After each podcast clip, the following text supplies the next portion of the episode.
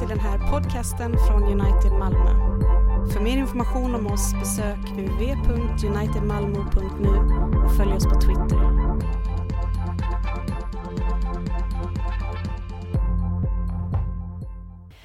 Vi lyssnar till denna söndagens gammaltestamentliga text från Jesaja kapitel 55, verserna 5-7.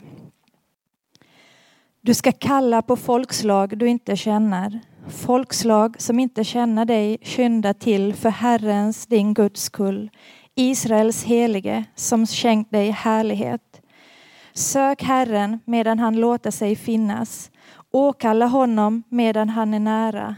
Må den gudlöse överge sin väg, den ondskefulle sina planer. Må han vända om till Herren, så ska han förbarma sig över honom. Vända om till vår Gud som alltid vill förlåta. Så lyder Herrens ord. Gud, vi tackar dig. Vi lyssnar till denna söndagens nytestamentliga text ifrån Romarbrevet kapitel 12 och vers 1.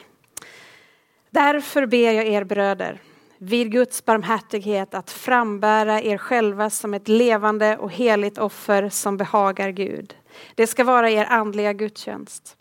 Anpassa er inte efter denna världen utan låt er förvandlas genom förnyelsen av era tankar så att ni kan avgöra vad som är Guds vilja, det som är gott, behagar honom och är fullkomligt.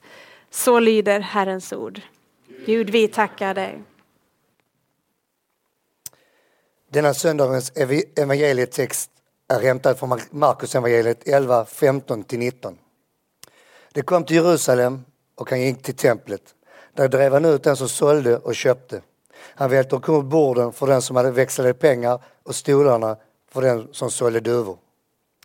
Och han lät ingen, han lät ingen bära något med sig över tempelplatsen. Han undervisade dem och sade, står det inte skrivet, mitt hus ska kallas ett bönens hus för alla folk. Men ni har gjort det till ett rövarnäste. Detta hörde översteprästerna och de skriftlärda och de sökte efter sätt att röja honom ur vägen. De var rädda för honom eftersom alla människor var överväldigade av hans undervisning. När det blev sent lämnade de staden. Så lyder det heliga evangeliet. Lovad var du, Kristus.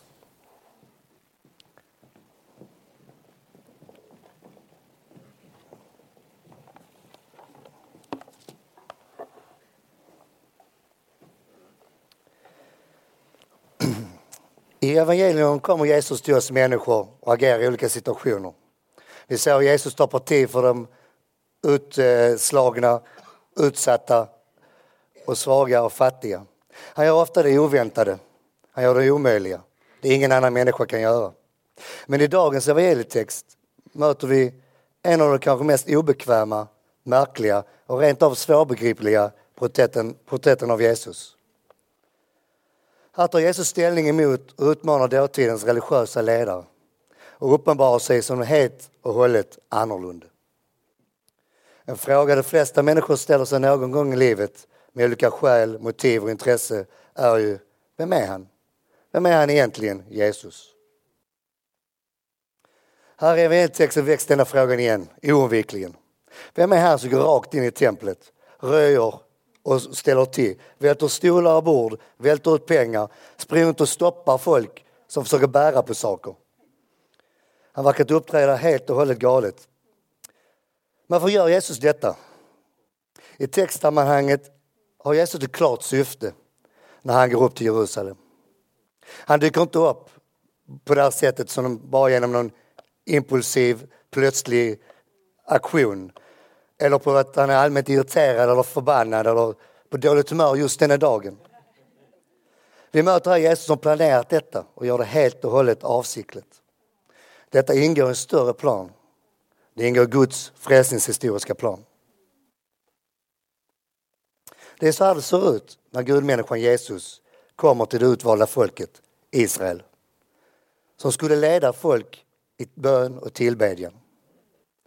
Och så här ser det ut när Jesus kommer till Guds folks heliga plats, templet. Den plats där var Gud har valt att uppenbara sig. Så Jesus agerar så här i linje med Gamla testamentets profeter och deras sätt att förkunna. Jesus söker upp den centrala platsen för Guds folk och agerar ut budskap i form av symboliska handlingar och talar och uppenbarar Guds ord till folket. Så Jesus agerar alltså helt och hållet som han är. Så frågan vi nu då ställer oss är, vem är han då egentligen? Han är konungen. Han kommer med auktoritet. Jesus visar myndighet av ett annorlunda rike, utmanar dåtidens religiösa makt och ledarskap. Han rider in i staden på en åsna, precis som profeten har sagt. Och han blir hyllad och ärad ibland några av Israels folk.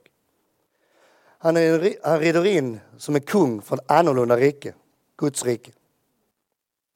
Guds rike kommer med Jesus som kung. Men han sa inte direkt vad Guds rike är. För han visste att de hade en, en bild och en tanke om hur det skulle vara.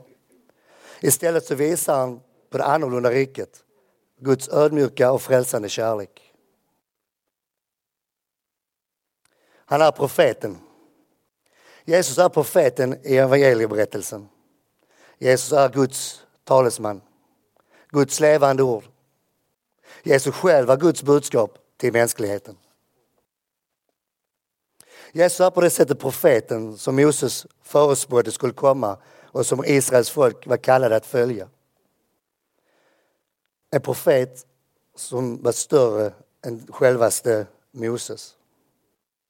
Precis som profeterna före honom så ser vi en profet som förkunnar lagen och upprätthåller lag och ordning. Jesus profeterar också emot folkets avguderi. Han kallar folket tillbaka till Guds förbund och predikar omvändelse för Guds folk.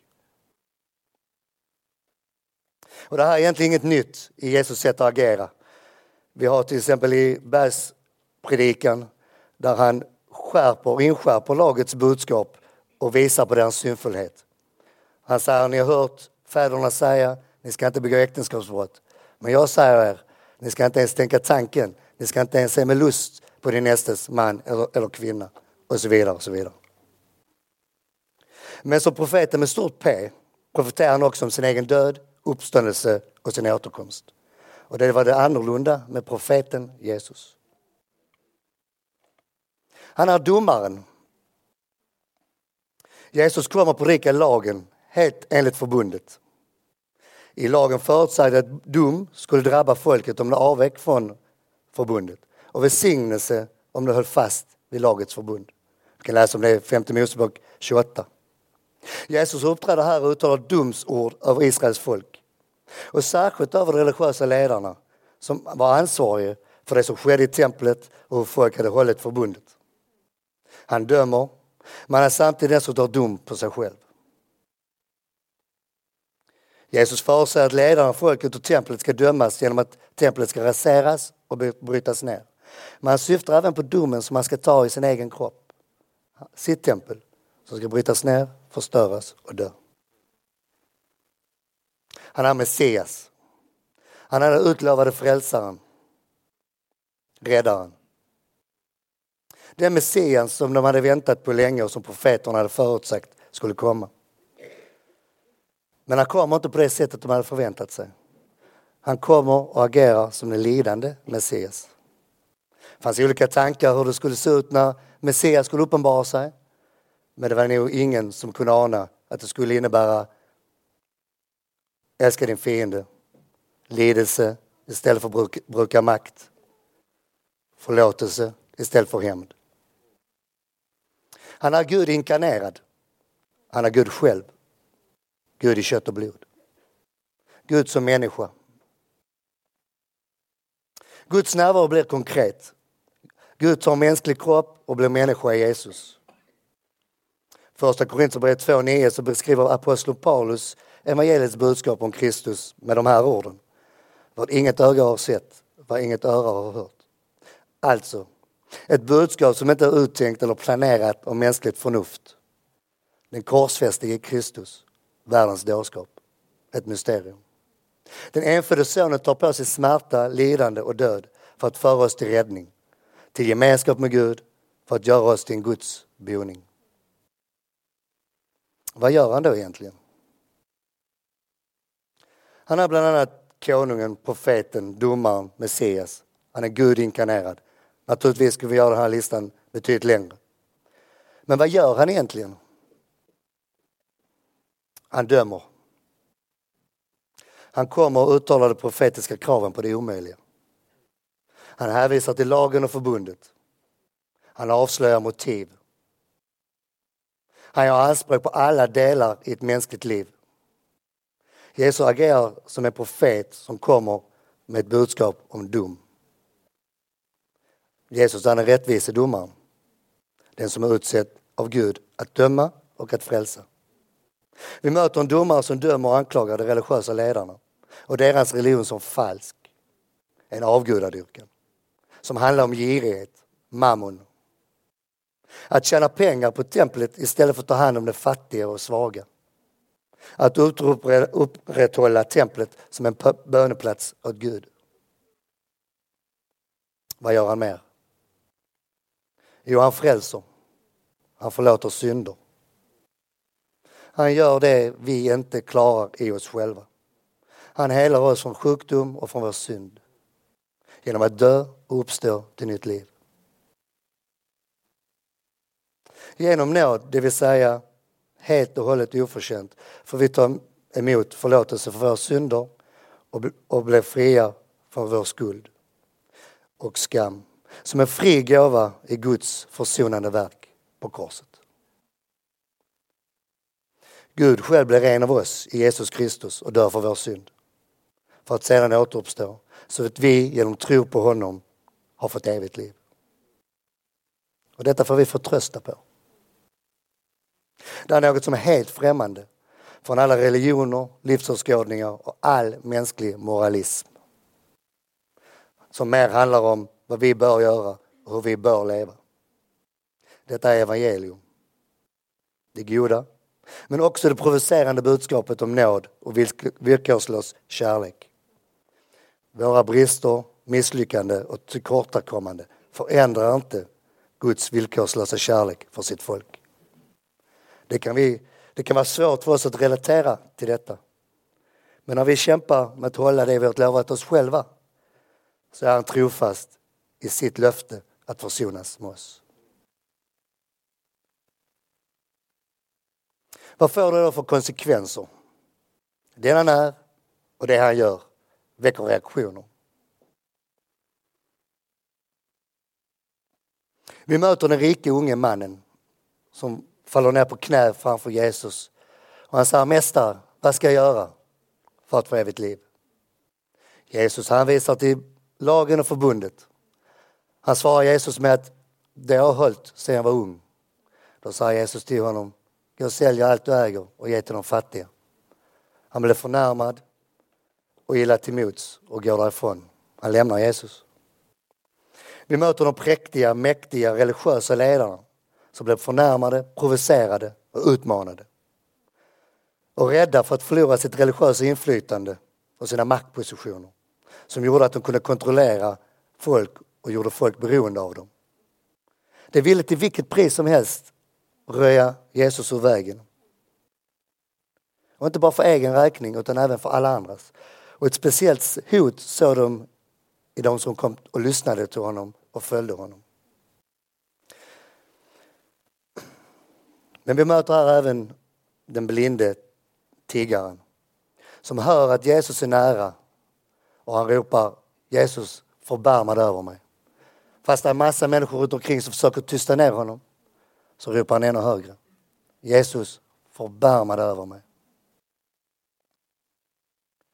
Jesus gav hans syn tillbaka så han kunde se med orden Gå, din tro har frälst dig. Och han följde Jesus. På samma sätt är den blinde mannen exempel för oss alla. Han är urtypen för all mänskligt tillstånd inför Gud. Vi är fattiga, blinda och nakna inför Gud. Vi måste dock inse det för att få lov att ta del av hans underbara barmhärtighet och frälsning. I nattvarden kommer han till oss i brödet och i vinet. Och vi kommer som blinda, fattiga tiggare med kupade händer. Och precis som den blinde mannen så ropar vi i tro. Jag vet vem du är. Jag vet vad du gör. Förbarma dig över mig. Då tar han sin boning i oss och vi blir hans tempel, Guds hus, den plats där Gud har valt att uppenbara sig. Ära Fader, Sonen och den helige Ande, nu och alltid och i evighet så evighet. Amen.